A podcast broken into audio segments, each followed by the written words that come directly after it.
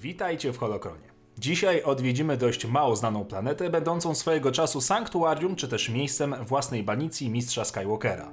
Poznajcie lepiej planetę Acto. Materiał w całości dotyczyć będzie kanonu. Zapraszam. Acto była planetą w większości pokrytą wodą z licznymi skalistymi wyspami pokrytymi zielonym poszyciem. Planeta znajdowała się w nieznanych regionach, orbitowała wokół dwóch słońc oraz posiadała jeden księżyc. Nie wiemy o niej wiele więcej, prócz tego, że niegdyś była tam aktywna świątynia Jedi. Ponadto, wedle niektórych, było to miejsce narodzin zakonu i zawierało starożytne teksty tej formacji. Trzy dekady po galaktycznej wojnie domowej planeta służyła jako dom mistrza Jedi Luka Skywalkera, który udał się na wygnanie w poszukiwaniu pierwszej świątyni Jedi po tym, jak jego świątynia i uczniowie zostali zniszczeni przez Kylo Rena. Z kosmosu Acto wydaje się być światem pokrytym w całości przez ciemno-niebieskie oceany. Jak wspomniałem, na powierzchni były liczne wyspy, w tym tzw. Tak wyspa świątynna, na której stała pradawna budowla, którą przed Wielką Czystką Jedi i czasami Imperium zajmowali uczeni Jedi. Argumentowali oni jednak, że wiele miejsc można uznać za tzw. Tak narodziny zakonu.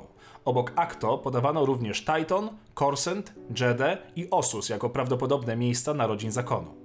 Aby odnaleźć ten zaginiony świat, Luke Skywalker skorzystał z gwiezdnego kompasu Jedi, który odkrył w obserwatorium Imperatora na Pilio. Przed przybyciem Skywalkera jednak planetę zamieszkiwały inne stworzenia, w tym jedna rozwinięta rasa zwana jako Lanai.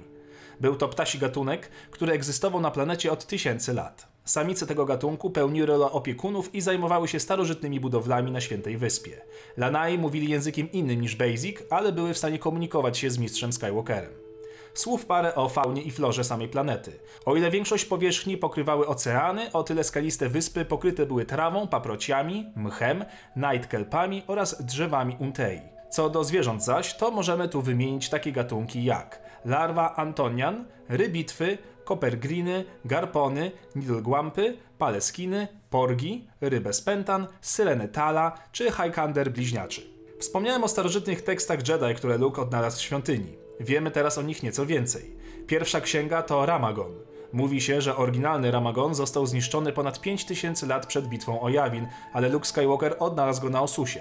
Książka zawierała co najmniej cztery wskazówki, z których każde opowiadało historię wszechświata i mocy. Jedna ze wskazówek była poematem opisującym bitwy między bogami. Ramagon zawierał również informacje astronomiczne, zwłaszcza dotyczące egzekolu, które obejmowały linie hiperprzestrzenne, ostrzeżenia o niebezpieczeństwach w przestrzeni kosmicznej oraz informacje o tzw. Tak barierze galaktycznej. Luke Skywalker dodał do książki swoją wiedzę o Wayfinderach Sithów.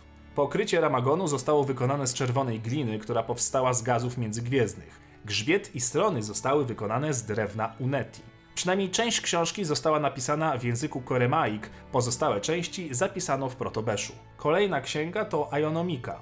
Książka ta składała się z dwóch tomów. Zostały zebrane przez mistrza Jedi Riley Howella i szczegółowo opisują wczesne opisy eksploracji i kodyfikacji mocy. Od dawna krążyły pogłoski o trzecim tomie, jednak fałszerstwo wspomnianego tomu zostało ujawnione na około 330 lat przed bitwą o Jawin, co wówczas doprowadziło do skandalu. Trzecia księga to Kroniki Bruzbu. Kroniki Bruzbu zawierają opis i techniki, które uczą jak naprawić uszkodzony kryształ Kyber. I to tyle na dzisiaj. O planecie nie mamy na razie niestety żadnych nowych informacji kanonicznych i póki co to wszystko co wiemy. Wbijajcie na Discorda, odwiedzajcie mój profil na serwisie Patronite i oczywiście niech moc zawsze będzie z wami.